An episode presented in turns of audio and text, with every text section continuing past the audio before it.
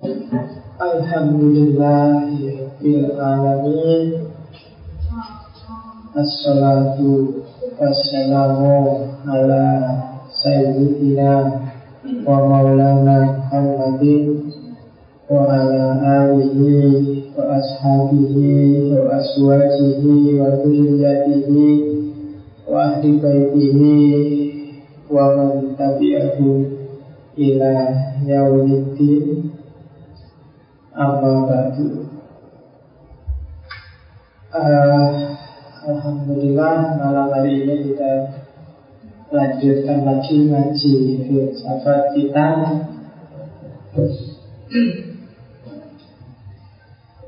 Hampir bareng sama Maulid Nabi. Hampir kan kemarin Maulid Nabi-nya. Kalau di Jogja dan Klaten ada yang sudah berjanji kemarin malam hmm. ada yang sini sini nggak mungkin berjanji untuk kita atau kalau zaman saya dulu di kampung senang mau karena setiap orang bikin makanan, bikin asahan dibawa ke musola, dibawa ke masjid-masjid kalau di Jogja ada tradisi itu ya jarang ada tradisi bawa makanan ke masjid. Kalau di tempat saya masih orang itu bawa makanan ke masjid. Kamu di sini malah nyari makan dan minum di masjid. Kalau di kamu bawa, bawa makanan dibawa ke masjid, dibawa ke musola, dimakan bareng-bareng. Yang jelas apa pun pendapat kalian tentang Maulid Nabi mau ada peringatan atau enggak, monggo yang penting harus gembira, harus bersyukur, harus bahagia dengan Maulid Nabi, dengan kelahirannya Nabi. Bahwa rasa syukur dan rasa gembira itu diekspresikan dengan cara apa pun, monggo. Yang tak suka pakai peringatan, monggo lah. Syukurnya sendirian, diam-diam, Alhamdulillah punya Nabi agung, punya nabi yang luar biasa yang gara-gara dia kalau bahasanya itu Arabi sama Al-Halaj gara-gara dia alam semesta ini ada gara-gara Nabi Muhammad telah Allah menciptakan alam semesta dan bikin skenario besar dunia sampai hari ini. Yang jika katanya nanti disebut namanya Nur Muhammad itu Ibnu Arabi dan Al-Halaj. Jadi yang ini kita bersyukur Ada yang bilang bahwa Saya tidak tahu asal ini hadis apa Bahwa Abu Jahal itu setiap hari Senin Siksaannya diringankan di neraka Karena dia sempat gembira luar biasa ketika keponakannya yang namanya Ahmad nantinya namanya jadi Muhammad lahir jadi ketika Nabi Muhammad lahir hari Senin itu dia gembiranya luar biasa meskipun akhirnya jadi antagonisnya. Nah, gara-gara senang itulah terus siksaannya di neraka diringankan. Jadi tidak usah debat mau ada peringatan mulai Nabi boleh apa enggak yang penting berbahagialah, gembira dan bersyukurlah kita punya Nabi Muhammad. Oke, itu hikmah maulidnya. Sekarang kita masuk ke filsafatnya. Ngaji filsafat itu sebenarnya ya dalam rangka kita mencari cahaya, kita mengejar cahaya puncak yang namanya nur cahaya itu kan ada di mana-mana. Ada banyak ayat di sekeliling kita selain ayat-ayat Al-Quran dan itu yang dulu Nabi disuruh baca pakai ikro itu kan itu sebenarnya. Begitu Jibril datang langsung diperintah ikro bacalah nanti membaca seluruh ayat-ayat di sekeliling kita ayat-ayat kauniyah karena di sekeliling kita banyak cahaya nah kita kejar cahaya itu setitik demi setitik antara lain melalui ngaji filsafat jadi kalau cahayanya semakin banyak hidup kita akan semakin terang jadi ngaji filsafat itu nanti ngaji hadis juga ikut ngaji tafsir kita ikut ngaji, modepan juga ikut ngaji, kalau kalau nanti jadi ada juga ikut ngaji. Nah itu berarti sedikit cahaya, sedikit cahaya dikumpulin hidupnya jadi terang. Nah itu hikmahnya belajar. Makanya majelis ilmu itu adalah majelis yang sangat dibanggakan oleh Rasulullah. Jadi tenang aja Meskipun judulnya filsafat tetap kita akan dapat banyak cahaya aja. Karena cahaya itu ada di mana-mana. Jangan sampai kamu ketinggalan kalau ada kesempatan untuk mengambil cahaya Jangan banyak orang yang mengkonstruksi pikirannya sendiri Bikin hal-hal yang dinegatifkan, diharamkan sendiri, dilarang-larang sendiri Yang itu menjauhkan dia dari cahaya. Sama cahaya nanti kita belajar dari Surawarti Termasuk dari Mula Sadra. Cahaya itu tidak ada lawannya. Lawannya cahaya bukan kegelapan Karena kegelapan itu sebenarnya kan Sama ruangan ini semuanya kan Tidak ada yang gelap, tidak ada yang mana yang tersentuh cahaya itulah yang terang, yang tidak tersentuh itulah gelap. Jadi gelap itu bukan tidak bercahaya, tapi belum tersentuh oleh cahaya. Jadi bukan lawannya terang.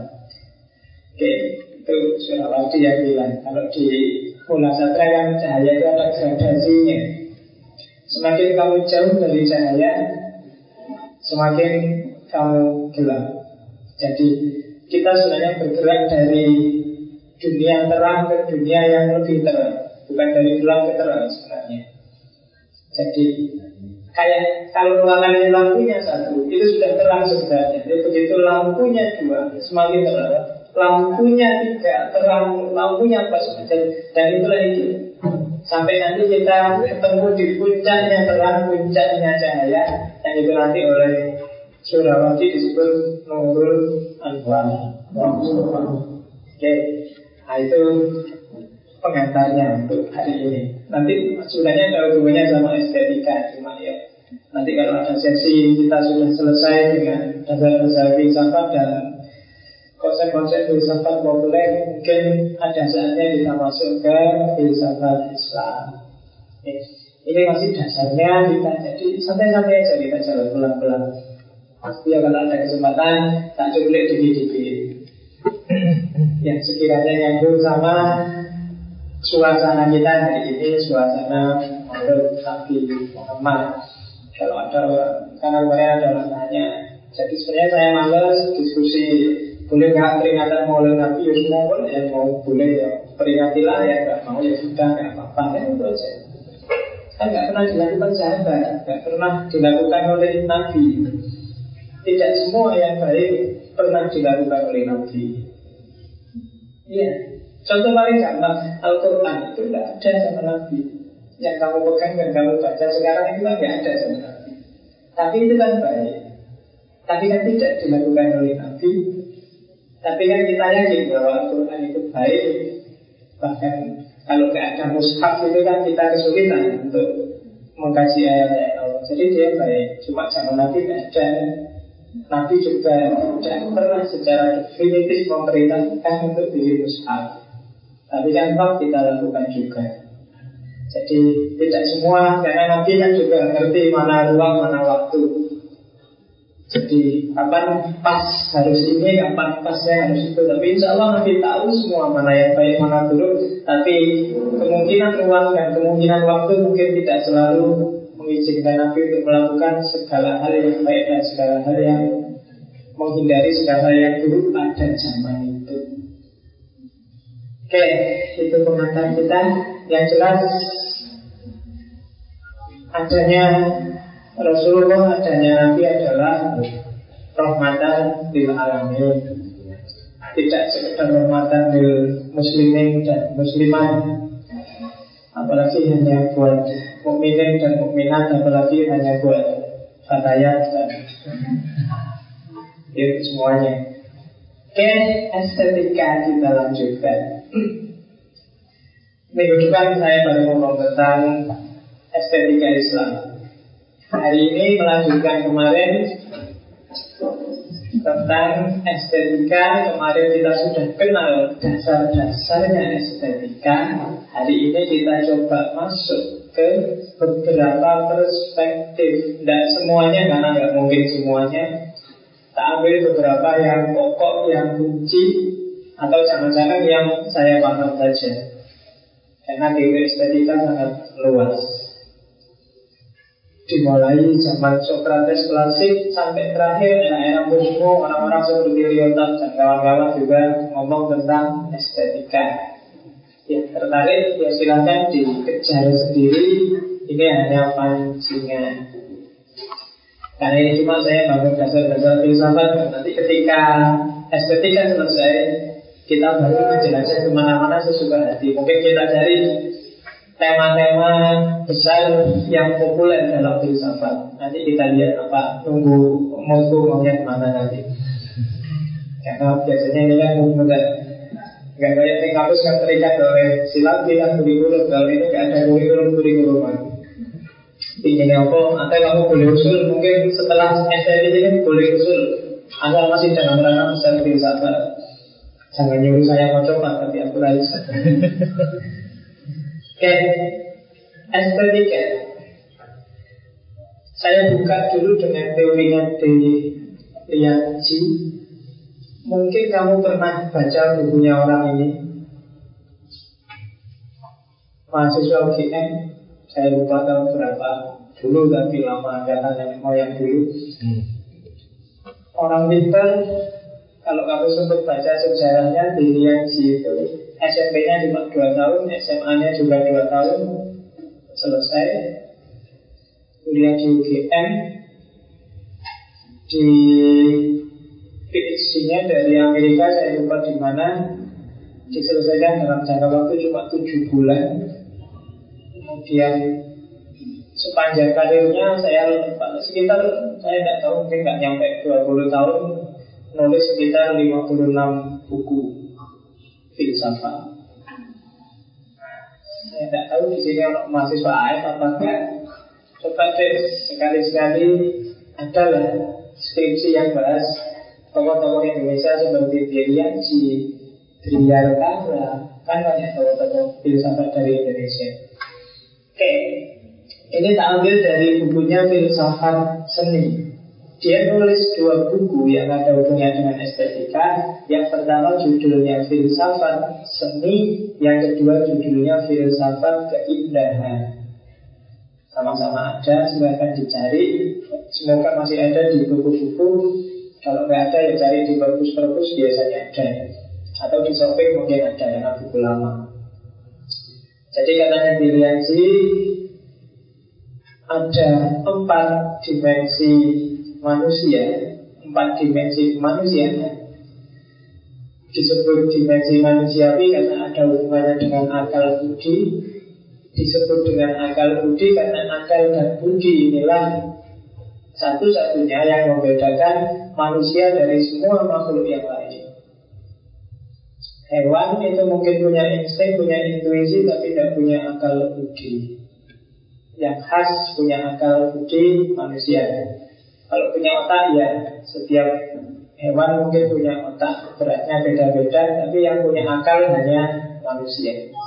Dulu di Descartes kan sudah dibahas apa bedanya akal sama otak, gimana hubungannya akal sama otak. Jadi Oh, setiap orang pasti berotak, tapi tidak setiap orang bisa menggunakan akalnya. Karena ada jarak antara otak dengan akal. Kalau budi itu bisa moralitas. Jadi manusia itu dia harus berakal budi. Berakal saja tanpa punya budi, akhirnya korupsi. Ya kan nggak punya moral. Namanya saya sudah akil. Orang yang pintar berakal Cuma karena nggak ada budi terus si akhir dipegang KPK karena korupsi.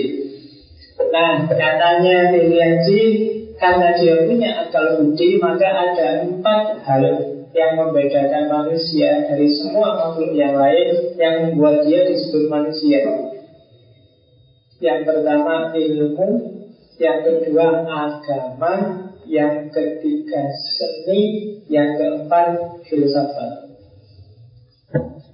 Jadi disebut manusia atau bukan manusia itu sebenarnya di empat variabel itu.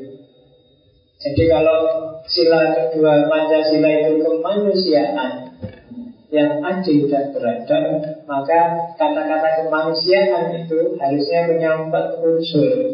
Ilmu, agama, seni, dan filsafat.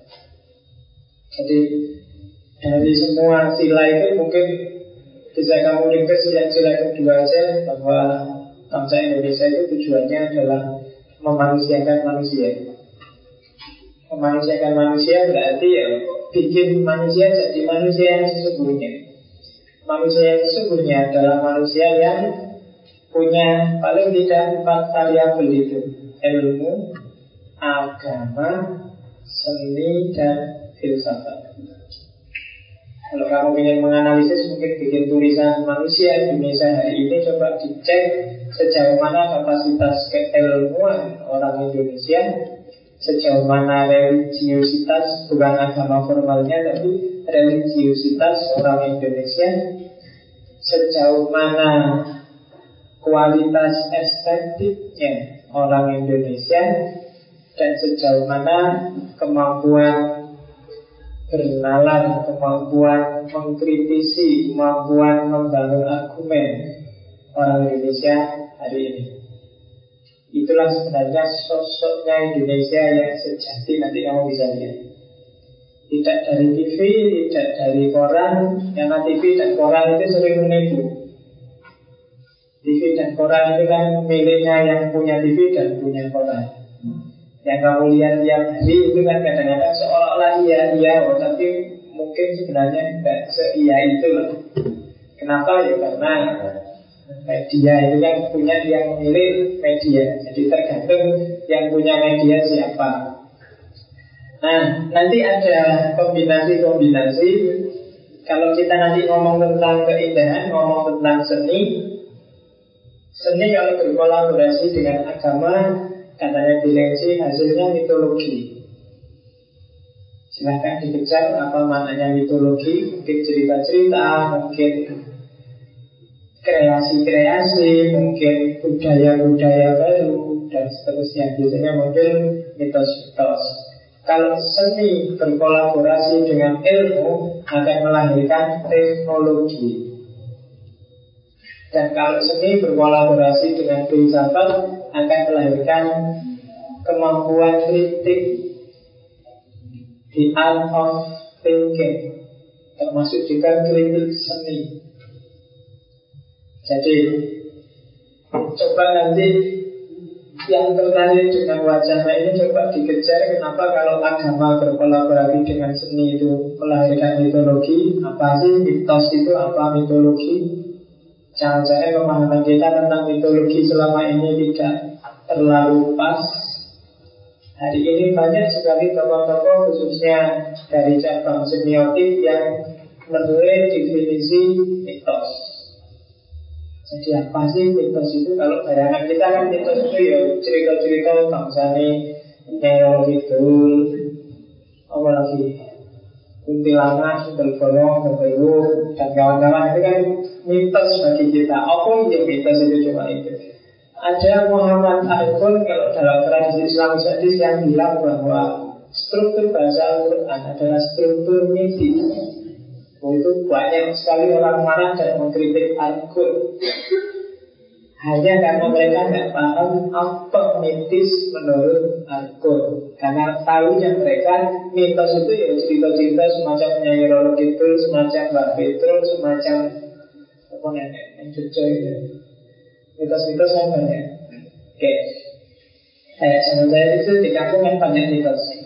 Dilarang ngelangkani orang tidur karena begitu melangkah itu mengurangi darahnya sekian lalu nggak ada kayak gitu cara saya kecil dilarang nudini apa mustokonya masjid pakai tangan. Begitu dicucinya tangannya akan nanggung. Kritik so iya misalnya tarik oh itu nggak berani benar mau nyoba aja nggak berani. Nanti dicoba kalau peluru beneran gimana? Saya akan jadi nggak wani dengan jadi nah dengan menyikapi secara mitologis. Dengan contoh ini kalian mesti bisa menangkap banyak sekali hal yang kalian sikapi seperti kan saya nggak berani mentinggi Mustafa Masjid ini. Banyak sekali Pengetahuan sehari-hari Wawasan-wawasan keagamaan Asumsi-asumsi hidup itu sebenarnya banyak kita perlakukan kayak mitos Kita nggak tahu kenapa begini, kenapa begitu Pokoknya dipercaya 100% Nah, nanti silahkan dianalisis itu. Jadi seni itu tidak selalu pejuang tunggal. Karena dia terlibat dalam hidup kita. Dia akan bergaul dengan banyak hal. Keindahan itu gak cuma ada dalam musik, dalam lukisan, dalam film, dalam, dalam setiap hidup kita ada ada dimensi keindahan pasti yang terlibat. Kalau dalam filsafat seni biasanya dimasukkan di ranah perfection, ranah penyempurna. Kalau dalam agama nanti masuk ke dimensi insan, kita lihat nanti gimana sampai barangnya. Oke. Dalam sejarah ketika orang membahas seni, membahas estetika, membahas keindahan, ada pergeseran-pergeseran kecenderungan. Orang klasik zamannya Socrates dan kawan-kawan Yunani kuno ketika membahas estetika yang banyak dibahas bukan objek estetiknya tapi produsen estetiknya, pelaku estetiknya, orangnya. Kalau itu seni berarti senimannya. Jadi tidak penting bahas hasilnya karena hasil itu sangat tergantung pada orangnya. Orang yang baik akan melahirkan karya yang baik. Orang yang lurus akan melahirkan karya yang lurus Itu jadi di dunia klasik yang banyak dibahas justru kualitas senimannya Dan dianggap esensi seni, esensi karya keindahan itu ada pada yang bikin Tidak pada barangnya Itu klasik, nanti masih panjang. Kembalikannya klasik di orang modern. Era modern berarti diawali dari Renaissance ke belakang.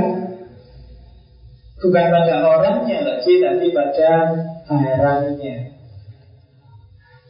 jadi pada bentuknya pada objeknya bukan pada subjeknya itu era modern.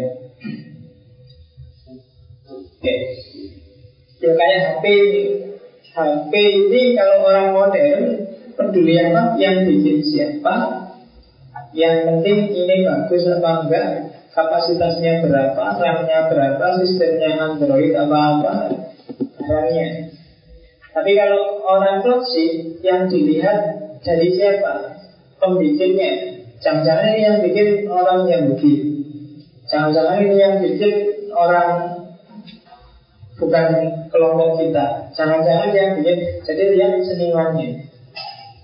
Jadi kalau kamu masih ribut dengan ini dari siapa Berarti kamu termasuk orang klasik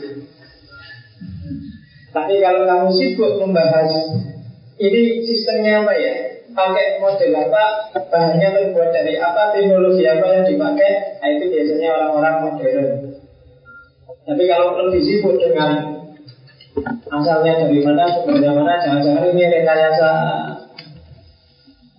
Dari musuh-musuh kita saya baru tadi siang diskusi sama jadi ada dosen yang baru baca-baca buku bangsa yang Freemasonry ada konspirasi ada senangan yang menjadi kalau ada apa-apa bayangan ini konspirasi sih ini itu susah. Jadi pokoknya isinya curiga semua jadi tidak bisa jangan-jangan teh ini juga konspirasi. Ini mesti yang punya pabrik teh ini berusaha menghegemoni. Ibu kalau nggak bisa udah kamu kalau awal konspirasi. Oke, nah itu bedanya orientasi analisis estetika klasik dan modern. Era postmodern beda lagi. Kalau di era postmodern orang tidak peduli lagi suka-suka. Kamulah mau dilihat objeknya atau mau dilihat dari siapa monggo setiap orang bebas nafsir sesuai perspektifnya sendiri-sendiri Setiap orang boleh bikin struktur sendiri, boleh menafsirkan keindahan sesuai versinya sendiri-sendiri. Keindahan itu tidak objektif sesuai perspektif dan kepentingan masing-masing orang. Setiap orang boleh membaca, setiap orang boleh menafsirkan, setiap orang boleh melakukan rekonstruksi dan rekonstruksi. Itu pembacaan versi postmodern. Jadi kalau misalnya ada otomis orang cakep, cowok atau cewek cakep, kalau di era klasik fokusnya tidak pada apakah orang itu benar-benar cakep apa enggak tapi melihatnya pada senimannya. Siapa yang mempersepsikan orang itu sebagai cakep apa tidak? Kalau di orang modern objektif yo kalau orangnya cakep kalau memang kulitnya putih tinggi semangkai rambutnya panjang dan nah itu ya memang cakep itu modern tapi kalau di era klasik, ya tergantung dari siapa dulu perspektifnya. Tapi kalau di era postmodern, suka-suka lah. Mau dianggap di objeknya boleh, mau dianggap di subjeknya boleh. Yang penting silahkan ditafsir sesuai keperluan sendiri-sendiri. Jadi kalau kamu ingin pokoknya bagi saya sekarang orientasi saya ganti yang saya tidak kayak gitu, yang saya itu kayak gini, monggo itu sudah hakmu dan hak prerogatifmu untuk nafsir mana yang indah dan tidak indah menurut kamu sesuai kepentinganmu sendiri-sendiri. Jadi di era klasik pada subjeknya, di era modern pada objeknya, di era di era postmodern tidak ada batasan, sudah cair. Bahkan di era postmodern ya, kadang-kadang tidak indah secara objektif, bahkan tidak indah secara subjektif, bisa saja dianggap indah. Misalnya, apa, kalau saya di jalan itu kadang-kadang jejer saya nggak tahu komunitas apa yang biasanya pakai Vespa boleh Vespa mungkin tahun 40-an itu ditambah sampah-sampah di tiketin di situ dengan bangganya dia muter-muter kota dan bagi dia itu indah tapi kamu kan aduh kayak gitu ngobrol-ngobrol ini tapi dia tidak kamu kenapa kamu nggak paham? Dia punya perspektif sendiri tentang keindahannya. Yang kayak situ indah. Oke, ya sama kayak kamu kan, kamu suka lihat orang pakai see, Sementara para kiai mungkin kalau lihat kayak situ dia alergi atau kalau ya, sesuai kepentingan dan perspektifnya sendiri-sendiri. Jadi ada era klasik punya logika sendiri, era modern punya logika sendiri, era postmodern punya logika sendiri dalam menanggapi objek estetik. Sekarang kita masuk ke tiga tokoh besar filsafat Socrates, Plato, Aristoteles. Tiga orang ini bagi Hegel dan kawan-kawan bagi banyak filosof adalah kamu mau belajar filsafat apa aja Cari inspirasi dari tiga orang ini karena hampir semua pemikiran filsafat berawal dan bersumber dari tiga orang ini dan gak akan jauh-jauh. Kalau katanya Wittgenstein cuma katakan kaki, filsafat itu dari tiga orang ini. Maka kita coba lihat tiga orang ini. Maha gurunya adalah Socrates, gurunya adalah Plato dan muridnya Plato adalah Aristoteles. Ini sebenarnya dialognya antara Socrates dengan Hippias Ini ngomong tentang cantik dan tidak cantik Ngomong tentang beauty Apakah kecantikan itu objektif ataukah subjektif? Katanya Hippias Dalam setiap benda memang ada kecantikannya. Kamu lihat pemandangan indah, kamu lihat perempuan indah, kamu lihat Burung merak indah luar biasa. Semuanya indah. Kalau mau jujur Saya tidak tahu. Itu kata-katanya biasa Coba dibaca. Kera yang paling cantik. Jika dibandingkan dengan manusia yang paling jelek Mungkin Kamu milih mana? Ini ada video yang Ayo Jadi ada monyet, monyet paling cantik di dunia Miss World-nya monyet Dibandingkan perempuan paling jelek sedunia misalnya. Tapi dia manusia, perempuan. manusia. Kamu dari mana? Ya, sampai ya. Boleh data nyoblos. Oke. Atau itu sebenarnya kalimatnya tak cuma level Demikian juga kalau ada gadis cantik dibandingkan bidadari dari surga. Kalau ini agak susah membayangkannya karena kamu belum pernah ketemu bidadari itu kayak gimana. Ya, kalau di kitab-kitab kan gambarannya agak bidadari yang versi Arab. Jadi bukan bidadari versi Indonesia. Loh iya kan? Bidadari Coba saya baca di itu Akbar itu bidadarinya sangat. Bau bau Arab kulitnya putih. Karena banyak orang Arab itu kan kulitnya banyak yang hitam-hitam daerah timur tadi. Pokoknya besok di surga harus ketemu perempuan yang kulitnya putih mulus kalau tidak itu akbar digambarkan saking mulusnya sampai tulang-tulangnya kelihatan. Kan susah. Transparan. Malah pertandingan Indonesia yang tulangnya kelihatan itu kan bangsanya itu tadi. Promosi susu. Kutilanan dan kawan-kawan. Tapi di sana tidak dari tulangnya kelihatan. Kemudian putihnya kulitnya itu seputih kampur Bayangkan ada. Kulit putih kayak kabel itu. Oke, jadi bidadarinya masih bidadari versi Ya kamu bikin bidadari sendiri nggak apa-apa. Memang Quran nggak pernah ngomong model bidadarinya kayak apa Sesuai imajinasimu sendiri-sendiri lah. Nah, gadis paling cantik dibandingkan bidadari ya tetap kamu milih jadi saya tidak dari semua saya. Singono ya Oke.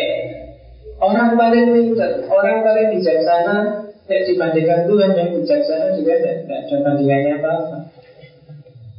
Meskipun demikian Meskipun kalau ada monyet paling cantik Dan manusia paling jelek Mungkin kamu milih manusia Tapi setiap objek Katanya bias yang nanti disetujui oleh Socrates itu punya keindahannya sendiri-sendiri, tidak bisa dibandingkan. Burung merak itu luar biasa indahnya, ya kan? Misalnya kamu jalan-jalan di kebun binatang sama pacarmu, terus dia burung merak, wah indah sekali, cantik sekali. Pacarmu cemburu nggak Aku maksud berat sama ini kan enggak. Karena dia tahu Meskipun dia ngomong cantik kan maksudnya tidak sebanding dengan kecantikannya pacarnya yang dia tahu. Jadi ada kualitas keindahan yang berbeda-beda. Misalnya baju, kamu punya baju bagus yang indah sekali Bagus sekali baju ini kan? Beda Ketika kamu lihat cewek cakep, wah indah sekali beda. Beda juga dengan nanti di Plato Indahnya kamu dapat ilmu baru, dapat wawasan baru. Indahnya ketika kamu melakukan kebajikan moral, misalnya bantu orang sebagainya. Ada setiap hal, setiap barang punya kualitas keindahannya sendiri. Nanti Socrates, Aristoteles mencari urusan sendiri. Kapan disebut indah dan kapan disebut tidak indah. Tapi yang jelas di setiap hal ada kualitas keindahan sendiri-sendiri dan itu mungkin rahasia dari Allah. Sehingga kamu tidak perlu minder kalau kamu berbaca aku kayak gini ya kira-kira besok dapat jodoh apa enggak Jangan khawatir Setiap hal punya kualitas keindahannya sendiri-sendiri. Ya tidak tahu mungkin keindahanmu kualitasnya berapa persen Sementara yang lain berapa persen. Tapi yang jelas dan Makanya kan setiap orang ada ya Ini ada orang julek tapi kok pasangannya cakepnya luar biasa Misalnya kayak gitu. Dan mungkin pasangannya ini bisa melihat keindahan dari yang kamu berjelek Sementara kamu tidak bisa lihat keindahan dari yang dianggap jelek itu. Ya nggak tahu indahnya mungkin gimana Oke. Nah meskipun demikian Meskipun setiap hal, setiap barang, setiap benda, bahkan setiap manusia punya kualitas keindahan sendiri-sendiri, tapi harus ada parameter apakah sesuatu itu indah atau tidak. Tidak bisa subjektif. Nah, dan nanti kalau dalam kalimat terakhir di dialognya Socrates itu kalimat penutupnya adalah oleh karena itu bisa disimpulkan keindahan adalah segala sesuatu yang menyenangkan dan memenuhi keinginan terakhir. Keinginan terakhir itu berarti memenuhi idealitas kita. Jadi yang menyenangkan. Kamu lihat barang indah kan mesti senang kan? Kamu tidak pernah lihat barang indah itu Aduh, kok indah ya? Ya, mesti mau indah kan mesti gitu. Kalau nggak indah kan kamu nggak mau. Kamu kan, Allah, emang gue harus bilang oh gitu kan? Berarti nggak indah. Tapi kalau indah nggak usah disuruh kamu tetap bilang wow. Oke, kenapa nggak bilang alif, tapi bilang wow? Itu yang tahu orang-orang. Tak usah diomongin di sini nanti rekamannya ke mana-mana maksudnya. Oke, jadi keindahan adalah segala sesuatu yang menyenangkan dan memenuhi keinginan kita. Jadi parameternya sederhana. Kalau kamu lihat sesuatu kok menyenangkan, misalnya kamu minum teh, teh ini kok menyenangkan ya? Berarti tidak. Tapi begitu kok manis banget ya. Jadinya kadar kesenangannya turun. Jadi bagimu mungkin jadi tidak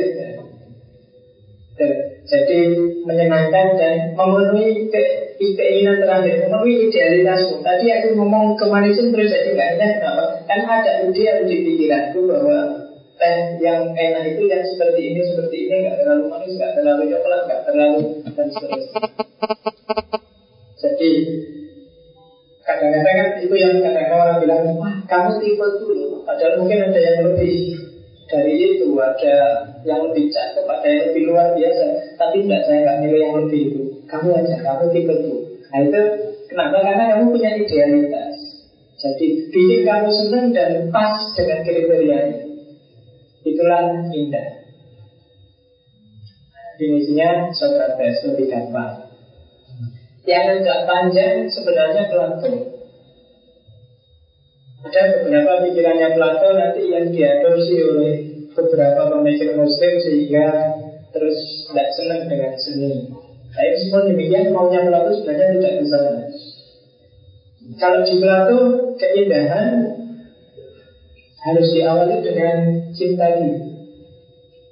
Jangan dibalik, kalau kita kan biasanya indah dulu, ah indahnya terus cinta Kebalik, kalau katanya kamu cinta dulu, senang dulu, baru kamu bisa menemukan keindahannya. Kalau nggak senang nggak bisa. Nah ini nanti dalilnya kamu yang dinikahkan dijodohkan Jadi seorang homo nanti ketemu sendiri kan? Jadi caranya apa? Di kos itu kan Caranya adalah yang disebut cinta Pak. Dirimu dikosongkan Semua kriteria yang ada di kepalamu buanglah Dan pahami objeknya Dengan terbuka Dengan kekosonganmu Maka kamu akan menemukan keindahannya Kalau di kepalamu terlalu banyak parameter Kamu gak akan menemukan keindahannya yang sejati. Karena kamu hanya nyari kriteria. Saya mau nyari pacar itu yang Rambutnya panjang kemudian putih, kulitnya yang tingginya sekitar 180 lah perbaikan turunan terus yang nah, itu kan kita banyak ketika kamu banyak kriteria kamu gak akan bisa menangkap keindahannya. Termasuk meskipun kamu ketemu yang pas dengan kriteria. Karena segala sesuatu punya kualitas keindahannya sendiri. Cintai aja apa yang ingin kamu cintai dan temukan keindahannya kalau dijodohkan sama bapakku saya tak jodohkan terus. Aku tidak senang tidak perlu ketemu. Tidak penting itu kalau belakang sudah tak ketemu aja. Nikah juga tidak apa-apa. Kemudian mulailah mencintai dan kamu akan ketemu keindahannya Nah itu Nggak percaya coba Jadi Dalilnya yang tidak tahu boleh pakai dalil ini. Jadi tenang aja besok Oke, nah itu satu dua tiga empat lima Jadi kalau dua itu ada ada prosedurnya. Cuma keindahan itu ada levelnya Dan setiap orang sebenarnya harus naik kelas Tidak boleh berhenti pada keindahan fisik, keindahan artifisial, keindahan level awal Keindahan level pertama katanya Plato adalah keindahan fisik. Kalau manusia berarti keindahan tubuhnya.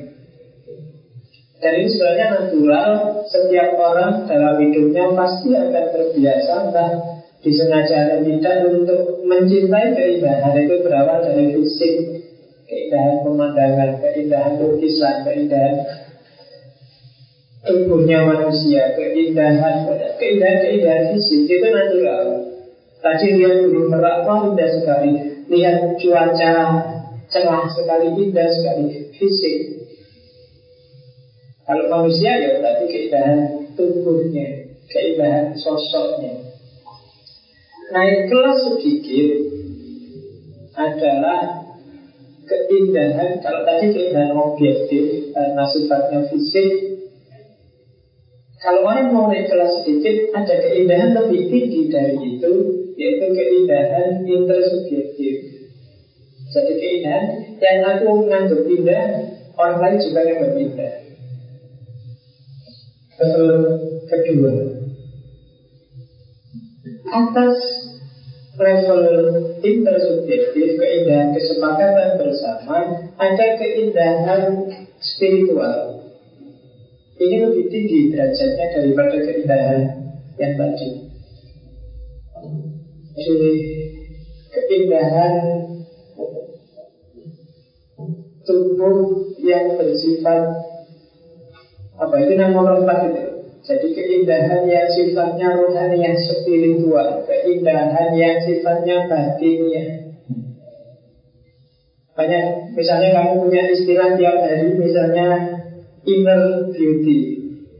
Jadi ada beauty tapi inner Tersembunyi. Ini levelnya lebih tinggi daripada oh, Outer beauty. Ya Jadi awas salah kita sudah tak kasih tahu saya pernah seminar sama dosen itu ada yang waktu seminar dia presenternya maunya inner beauty dan outer beauty. Istilahnya dulu dia pakai istilah outer beauty dan indoor beauty Outdoor dan indoor Jadi apa eneng Outdoor beauty dan indoor beauty Just, just. Apa maksudnya kalau di luar ruangan Jadi cakep, di dalam nggak cakep Apa yang satu yang di dalam ruangan cakep Oh ternyata maksudnya Outer beauty dan inner beauty. Nah, yang inner beauty ini kualitasnya lebih tinggi. Baca di mana saya lupa Biasanya yang laki-laki itu kecenderungannya level keindahan yang dikejar lebih rendah daripada yang perempuan. Kalau dicari hasil survei itu biasanya misalnya dari pacar itu laki-laki biasanya kayak tadi, yang kulitnya putih, yang hidungnya mancung, yang rambutnya panjang. Ya. Tapi kalau perempuan misalnya nyari yang cerdas, yang bertanggung jawab, yang. Nah, itu itu beauty. Jadi makanya cowok-cowok yang jelek santai aja. Yang penting kamu baik hati, tidak sombong, bertanggung jawab dan itu biasanya dapat lah jangan khawatir. Karena kebanyakan yang spesial perempuan-perempuan seperti itu hasil survei. Hasil survei itu kan kebanyakan itu meskipun tidak selalu semuanya begitu. Nah itu sifat rohaninya, batinnya keindahan level tertinggi adalah justru keindahan yang tidak terikat lagi dengan jasmani. Batin itu tadi yang ingin itu, kan benar keindahan batin, tapi kan masih ada ikatan dengan lahirnya. Jadi batin itu kan tidak ada kalau nggak ada lahir kan. Jadi, jadi dimensi batinnya masih masih ikut, masih ada kaitannya. Keindahan level tinggi adalah keindahan yang hanya ide keindahan Tidak ada hubungannya lagi dengan jasmani.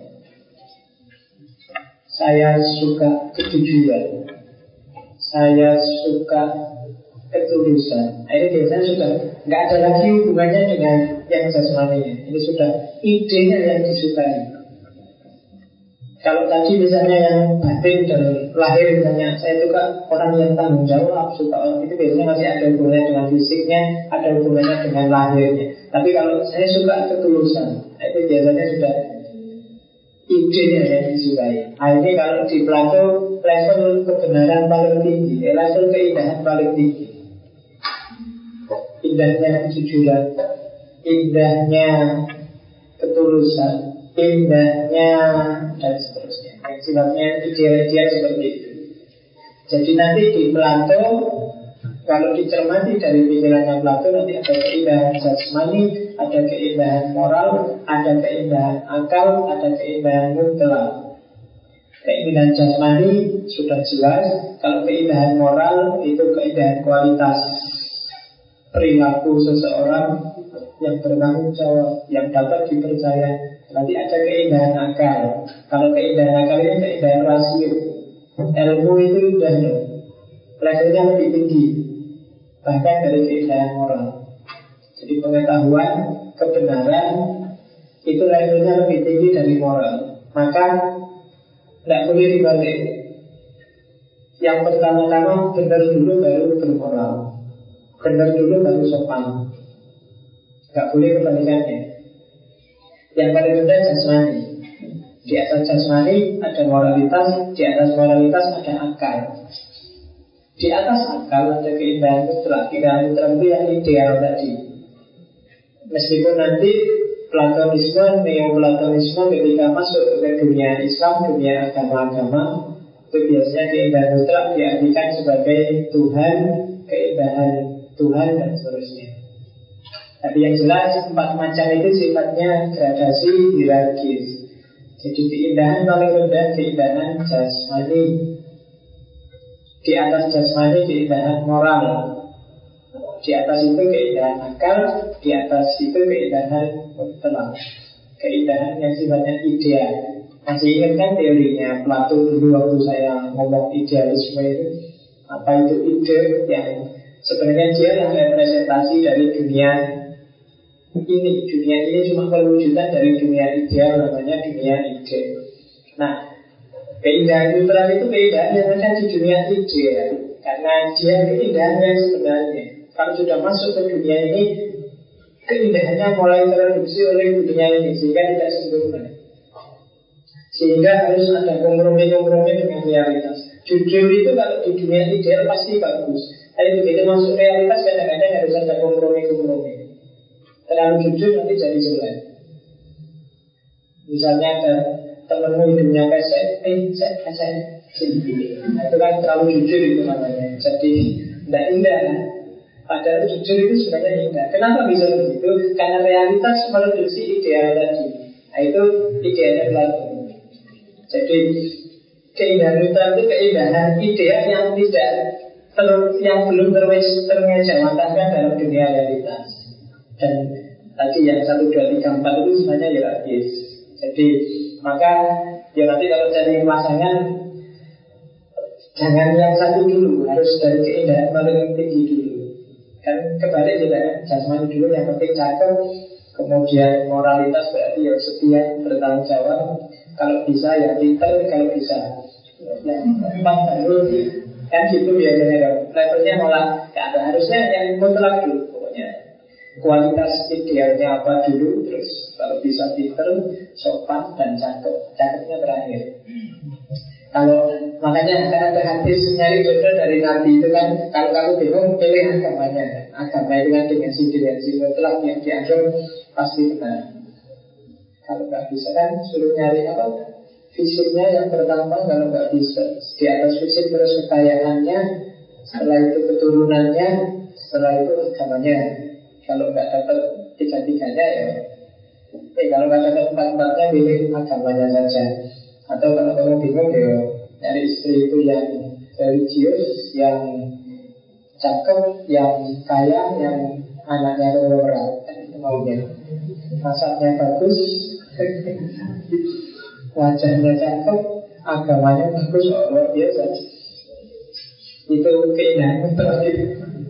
Cuma nyarinya susah adanya cuma di film dan di mimpi Oke. Ya atau asal jangan kamu tafsirkan oh berarti berdasarkan di situ saya harus cari istri empat. Yang pertama yang kita agama jadi jadi keluarga Sakina itu yang pertama fisiknya berarti nyari istri artis, yang kedua kekayaannya berarti nyari istri yang konglomerat, yang ketiga nasabnya berarti nyari istri yang anaknya pejabat, yang keempat agamanya dari istri anaknya kiai. Pas Nah istri pas Oke Kenapa keempat? Itu jangan-jangan sama itu tadi. Oke Itu keindahan. Agak unik pikirannya merata tentang seni akhirnya. Jadi karena tadi Plato punya dunia ideal Dunia ideal itu kan dunia ideal di luar dunia kenyataan Sementara dunia nyata ini hanya imitasi, hanya tiruan dari dunia ideal. Tiruan itu kalau bahasa Yunani namanya mimesis. Jadi dunia mutlak yang ideal diterjemahkan dalam dunia tiruan dan dunia nyata yang kita hidup sehari-hari ini Sementara yang namanya seni itu adalah tiruan dari dunia nyata. Yang dunia nyata itu tiruan dari dunia ideal. Jadi tiruan dari tiruan itulah seni. Kalau bahasanya Plato ya mimesis nemesis. Susah ngomong ya mimesis nemesis. Tiruan dari tiruan. Nah, jadi kalau kamu lagi kegiatan sama pacarmu, hatimu palsu, hatimu mimesis. Tapi kalau kamu balik-balik dibohongi, polsa palsu lagi, berarti mimesis, mimesis. Oh, palsu semuanya, nggak ada yang asli, tiruan. Jadi dunia nyata tiruan dari dunia ide dan seni itu tiruan dari tiruan dari dunia nyata. Maka tiruan dari tiruan. Derajatnya seni berarti kalau di Plato rendah Karena dia levelnya tiruan dari tiruan. Jadi dia tidak terlalu senang dengan seni. Yang pertama karena dia tiruan Yang kedua karena seni sering membawa pengaruh buruk yang bikin orang geser dari orientasi idealnya. Karena fokus pada dunia tiruan fokus pada dunia ini saja. Itu kalau dilakukan sudah melenceng. Karena dunia ini dunia yang palsu. Dunia yang sejati itu dunia ide apalagi fokus pada dunia tiruannya dunia yang palsu. Jadi kalau berdasarkan Plato itu seni itu tidak penting. Seni kadang membawa pengaruh buruk itu Plato jadi ini dalil bagi kamu yang tidak suka seni. Jadi pakailah Plato yang tidak suka selawatan, yang tidak suka terbangan, yang tidak suka lagu, yang tidak suka musik, yang tidak suka apa. Nah, itu dalilnya Plato gitu. Makanya tadi saya bilang banyak para ulama yang cara berpikirnya mewarisi Plato yang disebut neoplatonis yang masuk dalam banyak pemikiran, segi-segi pemikiran dunia filsafat Islam. Didukung beberapa nas Mungkin hadis juga mungkin asal Sehingga terus banyak yang musik itu haram. Kemudian apa lagi? Pokoknya yang sini-sini haram Nonton film haram. Lukisan haram. Nonton wayang haram. Nonton itu karena memang sebenarnya argumentasi asalnya adalah bahwa bukan haram libadihi tapi haram karena lihoiri karena dengan seni mungkin kadang-kadang kita lupa kesejatian terlalu asik mendengarkan buka sidik jos kan kamu terus jadi lupa. Ada yang lebih esensial dalam hidup ini dibandingkan kamu nonton YKS, nonton Facebook, nonton apa namanya OVJ nonton apa lagi kan kamu selalu gitu jadinya kamu terpalingkan dari dunia kesejatian itu yang sebenarnya dikhawatirkan oleh Plato. Jadi dia boleh kok kamu mungkin musik asal dengan musik justru membantu kamu menemukan dunia yang sejati asal dengan lukisan membantu kamu merenung asal dengan kan itu yang dikhawatirkan kan itu tadi pengaruh buruknya kamu senang. Dunia seni kan gitu begitu. Kamu senang atau lagi gandrung kan biasanya kamu mati-matian yang lagi senang dangdut kan biasanya kok dangdut is the best. Yang lagi senang lagu jazz jazz. Is the best. Yang lagi senang blues senang rock senang kan selalu begitu. Nah itu yang dikhawatirkan oleh Plato. Jadi dia nggak terlalu senang dengan seni karena seni itu dunia yang palsu. Seenak-enaknya dunia palsu lebih enak dunia yang sejati. Sedahsyat-dahsyatnya kamu nonton film pacaran Lebih dahsyat. Pacaran Loh itu logikanya Plato sebenarnya kayak gitu. Kamu tidak punya pacar, nonton film sampai nangis-nangis, kasihan ditinggal pacar. Itu kalau kamu ngalami sendiri tinggal pacar lebih dahsyat daripada itu, lebih sejati. Itu pun sebenarnya masih palsu ya di Plato. Ada yang lebih sejati di dunia ideal. Itu pandangannya Plato. Sekarang kita masuk ke Aristoteles. Nah ini tadi saya bilang bahwa ukuran kebenaran, ukuran materi yang kebenaran kalau di Plato adalah keserasian, keseimbangan, keteraturan, yang penting formula yang pas. Itulah indah. Dan itu kalau pas. Apa pun itu, kalau pas indah. Tidak terlalu tinggi, tidak terlalu pendek.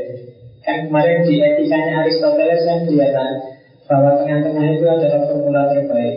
Jadi formula yang pas. Hidup tidak terlalu maju juga tidak terlalu hilang. Terlalu hilang namanya besok kalau terlalu maju saya tidak tahu. Kalau, kalau orang hidupnya terlalu maju namanya apa? Iya, pokoknya kan lah ya. Rambut terlalu panjang, tidak, tidak bagus juga. Terlalu pendek juga nggak enak juga ya, ya. pas lah. Gigi, hidung, apalagi. Jadi orang cakep itu kan orang yang simetris, jadi formulanya pas. Nggak terlalu tinggi, nggak terlalu hitam. Nggak terlalu Is pokoknya nggak terlalu nggak terlalu itu. Nah itu makanya namanya serasi, seimbang, teratur. Jadi ya kamu sendiri yang ngambil formula yang pas itu. Apa pun itu, misalnya kamu bawa gelas dua, ya tatakannya kalau segini pas lah. Jangan terlalu besar, kalau tatakannya besar, selalu juga tidak pantas juga, tidak enak juga, jadi nggak indah. HP juga begitu. HP karena dia ditenteng ke mana-mana dimasukkan kantong ya pasnya segini. Jadi HP segini indah lah Nanti kecil sedikit bisa bikin nggak apa indah. Eh kalau HP-nya segini kamu susah. Jadi nggak indah. Jadi yang ke mana-mana potong ini terus halus kan enak. Pasnya ya memang segini itu indah. Jadi segala yang disebut indah dan tidak indah Kuncinya simpel. Formulanya harus pas. Serasi, seimbang, teratur Oke. Terus di Plato Ya, jadi indah itu dia ideal Sama kayak Plato Cuma idealnya Aristoteles bukan ideal di awang-awang Seperti dunia idealnya Plato Ideal itu ya di sini hari ini Ideal itu misalnya manusia yang ideal itu manusia yang seperti ini-ini dan orangnya memang ada di sini bukan konsep dan dia dirumuskan secara empiris karena dari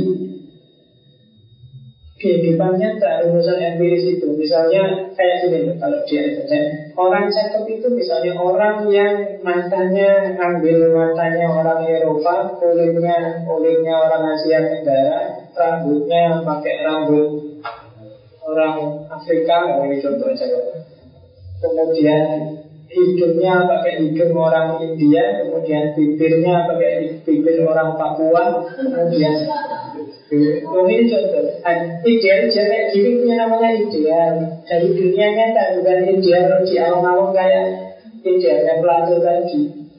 Jadi ukurannya serba pas Dan dirumuskan dari alam nyata. Jadi tidak sifatnya awang-awang. Karena memang Aristoteles alirannya realisme.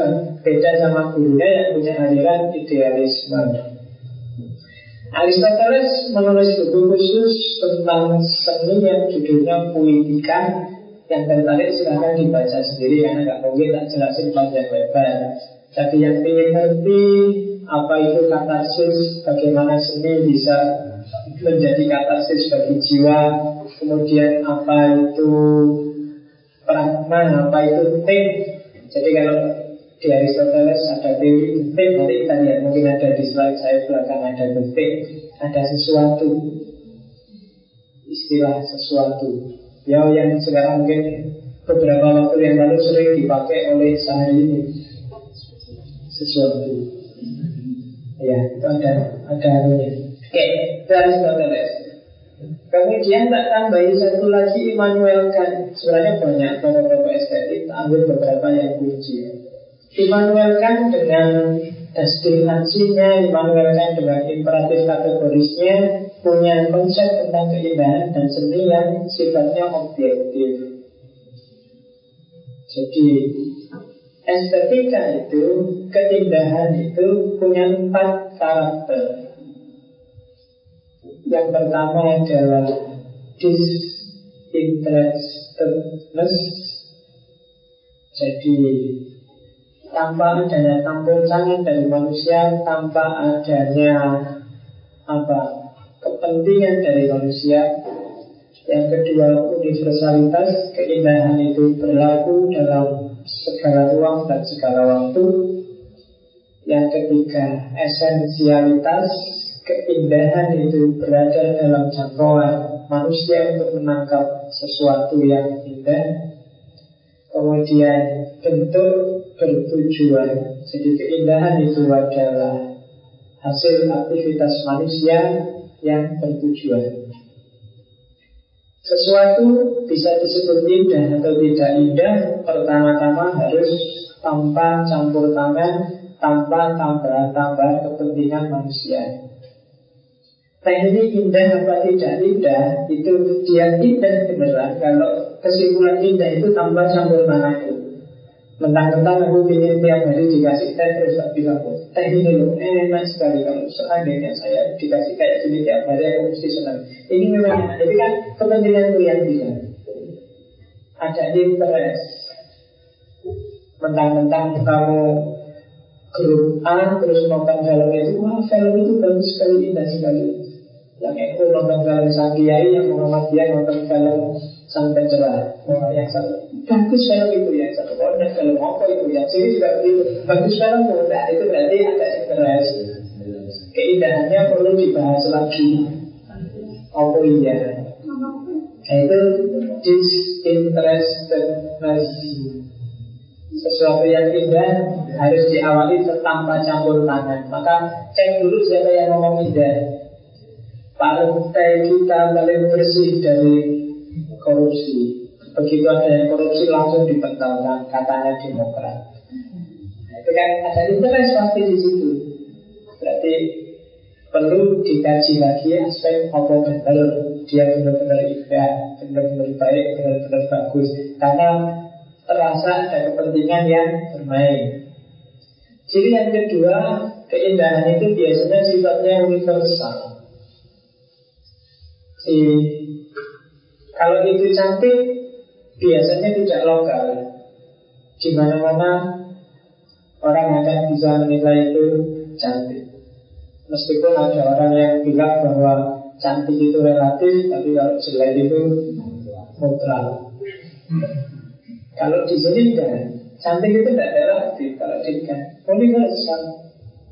Kalau dia memang cantik, ketemu orang Amerika pun akan dibilang kamu cantik. Ketemu orang Afrika pun akan bilang kamu cantik. Kalau orang yang ragu bilang berarti ya memang masih meragukan. Nah, kalau yang benar-benar cantik dia akan universal. Kalau derajatnya masih lokal berarti tidak benar-benar indah. Islam itu indah hanya bagi orang Islam saja, berarti tidak universal. Harus untuk semuanya, harus universal.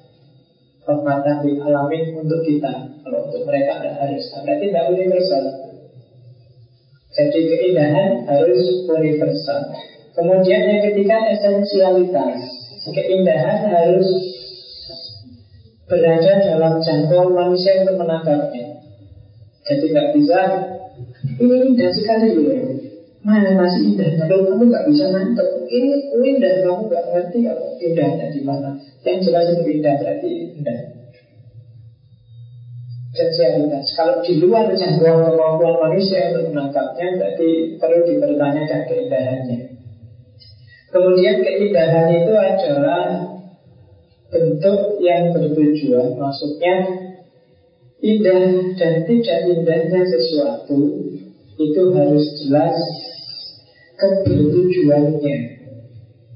Bedakan tujuan dengan kebertujuan kalau tidak. Jadi tujuan itu dari subjek. Kalau kebertujuan itu ada di objeknya. Contohnya gini, HP dibikin untuk alat komunikasi. Alat komunikasi itu namanya kebertujuannya HP. Telosnya tujuannya ada HP. Tapi kalau tujuan, nah itu sifatnya subjektif. Setiap orang bisa ngasih signifikasi beda-beda. Misalnya HP ini bagi saya adalah gengsi. Kalau HP itu jelek, Nokia jadul nggak mungkin tak keluar keluarin tak pamer pamerin kayak gini. Ini sebenarnya gengsi. Nah, itu tujuan. Dia kebertujuannya adalah alat komunikasi, tapi begitu jadi milikku ada pergeseran tujuan. Nah ini berarti subjektif dia sudah. Setiap orang menafsirkan secara beda-beda. Dan kalau itu keindahan, berarti dia konsisten dengan kebertujuannya, tanpa harus dimanipulasi oleh subjek yang baca. Siapa pun yang baca akan paham dengan kebertujuannya dan setuju bahwa kebertujuannya itu indah.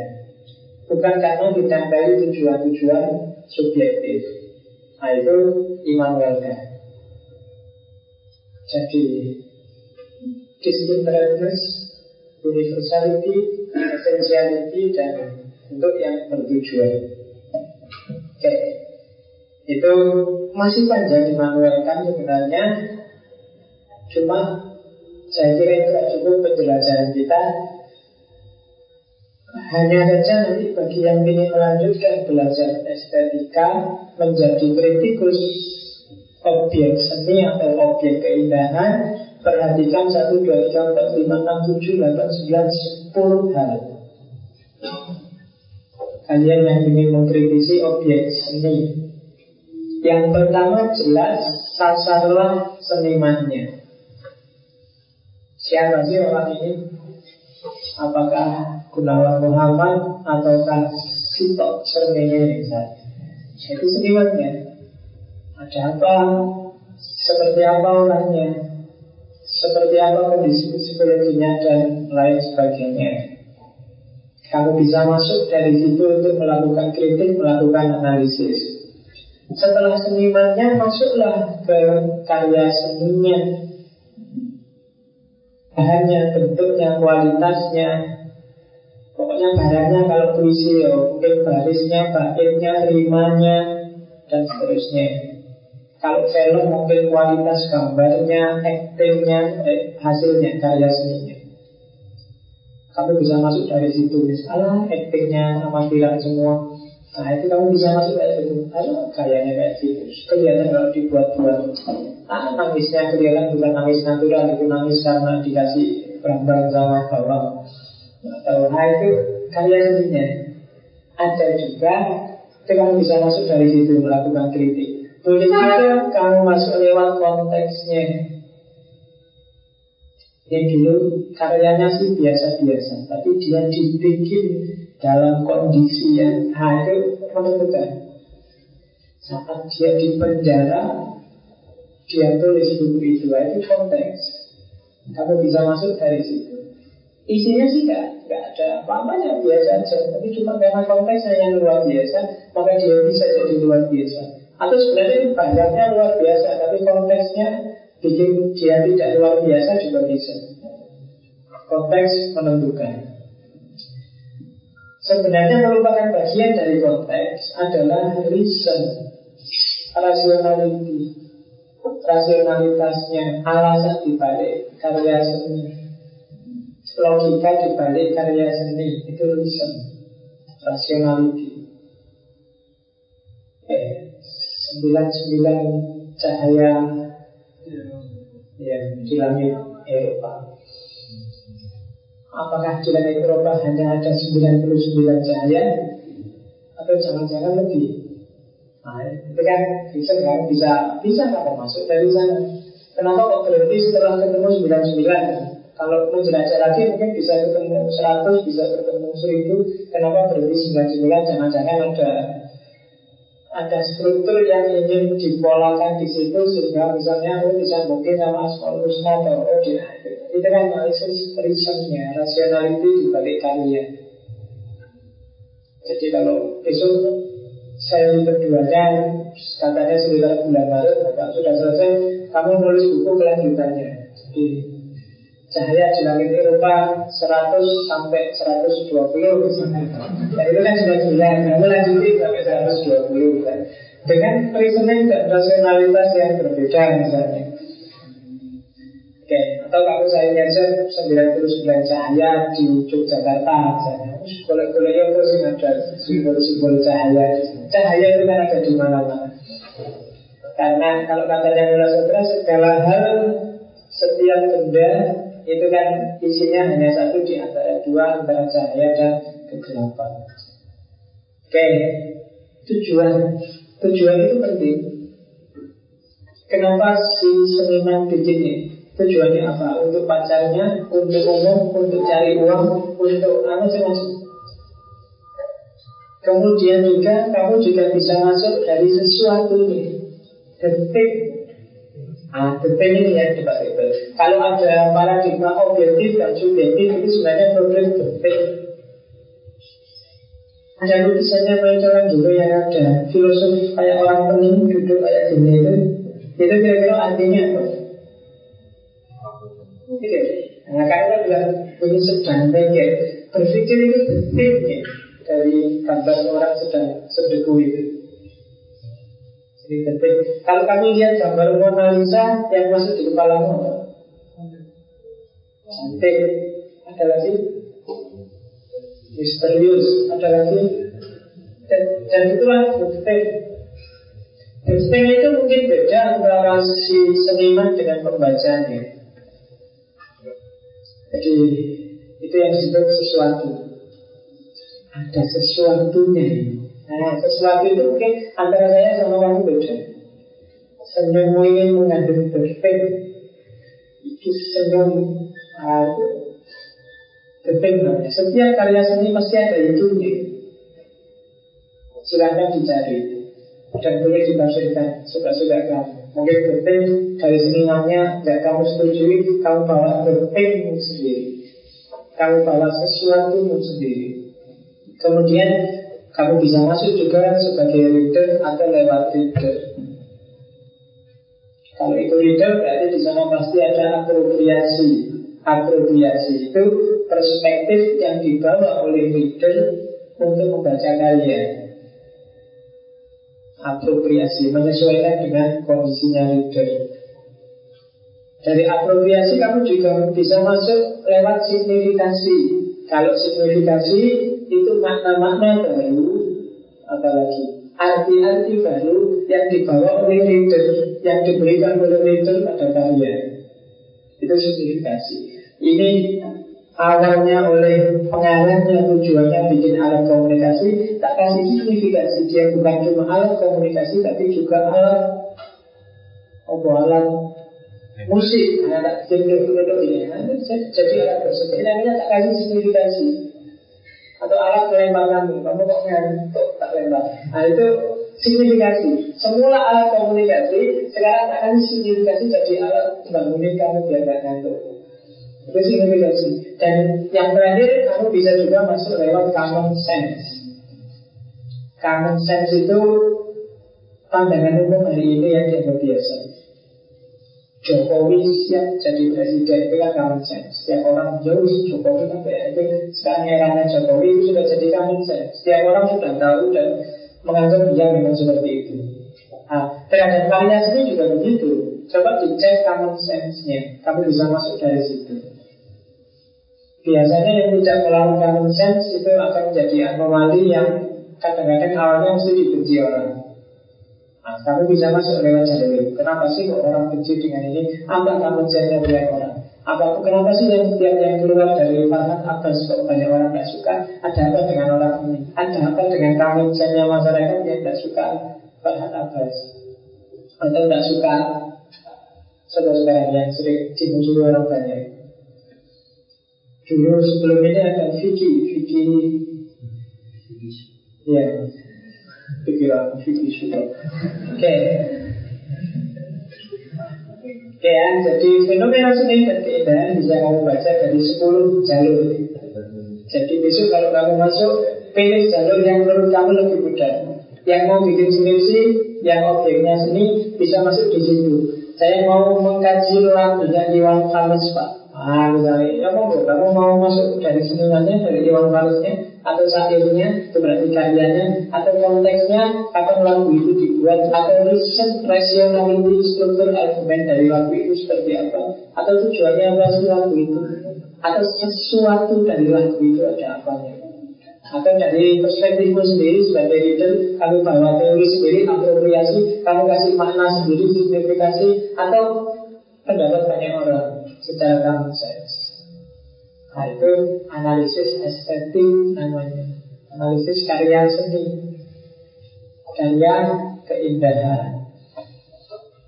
Oke, tak tambah sedikit agak cepat ya. Lagi-lagi kita udah bisa waktu ya. Jajan ini enaknya selesainya jam berapa ya? Sembilan aja ya. Oke Ada beberapa aliran tak Sebenarnya ada sekitar 13 Tak ambil cuma 1, 2, 3, 4, 5, 6 yang paling terkenal. Dari seni dan aliran keindahan Yang pertama realisme. Realisme itu berarti punya kecenderungan yang dilukiskan, yang diungkapkan, yang diangkat jadi karya seni. Itu realitas apa adanya Biasanya realitas itu karena lawannya idealitas Biasanya terus karya-karya yang mengangkat yang tidak ideal. Kemiskinan diangkat itu itu biasanya karya-karya realis. Bagaimana anak-anak Indonesia terbengkalai tidak diurusi oleh negara. Karya-karya realis. Kalau lukisan biasanya melukis yang kadang kotor, kadang sebagainya Melukisan realitas apa adanya. Sama-sama ngomong realitas Ada aliran namanya naturalisme Naturalisme ini ngomong tentang realitas juga. Tapi pada dimensi bahwa alam ini agung. Alam ini bagus. Alam ini indah. Karya-karya naturalis itu biasanya Kalau lukisan itu lukisan gunung yang indah Lukisannya. Ya lupa, kemarin saya baca tulisan tentang kenapa sih hampir semua anak kecil baik di Indonesia maupun di luar negeri kalau disuruh gambar pemandangan mesti gambar gunung dua yang kemudian ada jalan di tengahnya dan di atas gunung tengah-tengahnya ada matahari yang ayo kenapa saya baca lupa itu di internet itu. Cuma analisisnya agak saru. Jadi itu ada insting apa gitu kalau itu dewi tak jelasnya di sini ganti cerita. Nah itu naturalisme gambar. Gambar jadinya. Jadi aliran yang melukiskan bahwa alam ini aku dan biasanya nggak kayak realisme yang digambarkan yang bagus-bagus matahari pagi, sunset dan seterusnya. Kalau di Jogja kan nggak cuma ada sunrise, sunset, tambah satu lagi sunmore. Itu bedanya Jogja sama yang lain. Oke, kalau yang ketiga impresionisme. Kalau impresionisme itu kalau untuk seni lukis itu biasanya tantangan pada para pelukis studio. Jadi impresionisme itu kalau melukis sesuatu nggak diatur, sesuai yang kelihatan aja. Terang dia dilukis terang, gelap dia dilukis gelap. Impresi sesuai kesan dari si pelukis. Jadi berarti sesuai kesannya pengarangnya, sesuai kesannya authornya. Jelek ya diomong jelek, diungkapkan jelek, dilaporkan jelek. Beda kalau pelukis studio kayak kamu foto di studio lagi Agak mirip dikit, agak cahayanya diterangi dikit agak Itu kan studio Tapi kalau aliran impresionis, enggak lah. Kalau gelap ya gelap, kalau kamu jelek ya jelek. Kalau kamu dari samping kelihatan jelek ya ya digambar dari samping jelek. Itu impresi, sesuai impresinya. Kalau lukisan biasanya arahnya ke tata cahaya, arahnya ke warna, arahnya, tapi yang sifatnya impresif, sesuai pesan psikologis. Yang panjang romantisisme. Saya saya ada rencana mungkin setelah estetika kita masuk ke tema-tema besar filsafat, eksistensialisme, fenomenologi dan kawan-kawan. Malah saya ingin ngawalinya dari romantisisme yang nanti memicu lanjutnya pencerahan di barat. Jadi kan aliran-aliran awal ketika barat mulai bangkit namanya romantisisme. Dalam karya sendiri romantisisme punya gaya sendiri. Romantisisme itu asal sekitar abad ke-16, 17 sampai 18. Kalau ada kata-kata romantis itu sebenarnya dari kata dasar Roma Roman jangan dibayangkan yang selalu-selalu atau yang apa ya. Yang roman itu maksudnya roman, novel dan kawan-kawan itu. Kenapa disebut romantis? Karena ceritanya persis kayak roman. Kayak cerita di novel, kayak cerita di buku-buku. Awalnya gitu sehingga terus disebut romantis. Novel itu kan penuh drama. Roman itu kan ada dramatisasinya. Mungkin tinggal bilang I aja baca dari bunga taruh depan rumahnya orangnya terus sembunyi ngeliat terus makan aja tinggal makan aja pakai cari yang rumeng-rumeng dikasih duit segala dikasih terus. Oh, kayak di buku-buku. Oke. Kalau seni biasanya kalau itu romantis fokusnya pada rasa si pengarang yang kedua biasanya karya-karya romantis itu cenderung mempersonifikasi alam. Kalau mungkin kalian biasanya orang yang awal-awal latihan bikin puisi itu biasanya cenderung mempersonifikasi alam. Jadi apa? Mengeksploitasi alam. Senyummu bagaikan hari bintang yang nah itu kan eksploitasi alam. Kemudian ya kan dia kan melihatmu bagaikan laut yang menggelegar Sering itu cirinya orang romantis Jadi eksploitasi alam Mempersonifikasi alam Jadi kamu hati-hati Eksploitasi itu gak cuma dari puisi juga bisa Kamu selalu bikin kalimat yang pakai ini Aku kokoh bagaikan gunung kan sih itu Alam lagi yang dipakai Ya, itu cirinya aliran romantisisme. Kemudian menekankan pada keunikan individu. Jadi setiap orang itu khas, setiap orang itu punya style, punya gaya sendiri-sendiri. Jadi kalau saya diambil atur. Karena seperti ciri selanjutnya orang romantis benci dengan hal-hal yang teratur, yang ditata rapi, yang moderat, yang tidak. Orang romantis suka yang spontan, yang tidak terduga, yang Wah, kaget aku tiba-tiba kamu pas dibagi bahwa nanti ke kamar hati kan gitu biasanya terus disebut romantis. Karena dia tidak suka yang ngerti-ngerti. Hmm. Jadi kalau kamu bikin disebut romantis, harus dia hari mikir gimana caranya bikin kejutan. Jadi itu kan nanti kamu jadi romantis sama pacarmu. Tiba-tiba kok traktir, tiba biasanya minta dibayarin, tiba-tiba kok, nah itu itu loh sekali-sekali jadi Oke, terus yang sangat didambakan oleh orang-orang romantis adalah kebebasan. Bebas, nggak usah diatur-atur. Setiap orang punya keunikan, silahkan mengekspresikan keunikan sesuai perspektifnya sendiri-sendiri. Nanti mungkin setelah selesai estetika, kita masuk ke aliran-aliran filsafat. Saya ingin mengawalinya dari romantisisme dengan kawannya Rousseau dan kawan-kawan.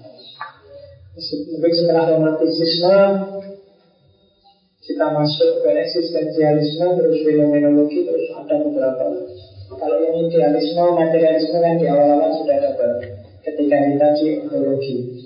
Oke, ekspresionisme jargonnya adalah art is an expression of human being. Feeling. Jadi seni adalah ekspresi manusia. Seni itu tergantung pada moodnya si seniman. Kalau dia lagi senang akan menghasilkan karya-karya yang menyenangkan. Kalau dia lagi susah menghasilkan karya-karya yang menyedihkan, yang muram, yang suram, ekspresi. Jadi seniman ahli estetika yang ekspresionis itu biasanya orang yang karyanya tergantung moodnya. Kalau dia lagi mood, semangat sekali. Kalau dia lagi nggak mood, ya. kayak kamu nggak skripsi kan. Mungkin ketika kamu skripsi, saya minta jangan jadi ekspresionis. Karena kalau kamu nunggu mood, nggak keluar-keluar. Ya kan? Jadi harus jangan nunggu mood digarap aja. Kan, tapi kalau ekspresionis memang tergantung kesan penghayatan dan suasana hatinya. Biasanya orang ekspresionis. Lagi senang bikin lagu senang, lagi sedih bikin lagu sedih. Yang terakhir yang ingin saya jelaskan surrealisme. Kalau surrealisme itu sebenarnya realitas, tapi realitas yang tidak real. Makanya surrealisme itu ada yang bilang nama lainnya adalah realisme dunia mimpi. Bahannya realitas, tapi kami olah secara surrealis, secara mimpi. Misalnya, apa film-film science fiction itu kebanyakan surrealis. Surrealis itu bahannya kayak kayak beneran besok ada meteor yang mau nabrak dan meteor beratnya berapa itu karya surrealis. Film 2012 itu kan seolah-olah luar biasa, tapi sebenarnya cuma hayalan, cuma mimpi. Dan kamu takut beneran 2012 kiamat. Itu sebenarnya surrealis. Itu karya yang realitas, tapi realitas mimpi. Realitas yang sifatnya hayalan. Oke, yang terakhir ini khusus bagi yang tertarik untuk belajar estetika. Ada beberapa isu dari beberapa tokoh, tidak harus tak baca satu-satu, kamu baca sendiri di rumah. Kalau ingin bahas karya seni, bahas Plato, Aristoteles, dan seterusnya Yang bahas sikap estetis, bahas itu Yang bahas argumentasi seni Tokoh-tokoh itu kualitas dan nilai estetis Gaya dan bentuk Tentang interpretasi seni Ekspresi dan emosi dalam seni Lambang dan metafora seni Imunisasi, makna dan kenyataan Dan seterusnya. Kamu baca sendiri. Bagi yang ingin mendalam di dunia estetika. Untuk minggu depan saya ingin masuk sebentar ke religius estetik, estetika religius. Ya mungkin karena kita di masjid konteksnya kita ambil angle-nya dari Islam. Mungkin nanti saya ambil sedikit dari Syed Hussein Nasr Tak ambil sedikit dari seni tauhidnya Faruqi Mungkin untuk Indonesia ada yang pernah nulis estetika religius itu Abdul Hadi WM Tapi nanti kita lihat apa yang bisa saya tampilkan untuk estetika religius Nunggu moodnya Besok gimana Karena kadang-kadang mood itu menentukan Apa yang bisa ditampilkan. Oke ya, sudah jam setengah sepuluh. Silakan kalau ada tanggapan. Alhamdulillah ya.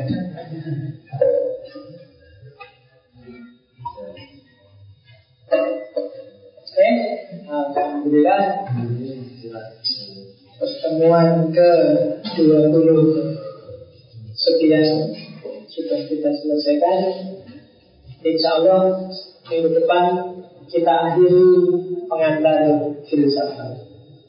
Setelah itu kita masuk ke isu-isu filsafat. Nah, kalau yang isu-isu agak ringan kita bisa agak menjelajah, tidak harus runtuh seperti sekarang.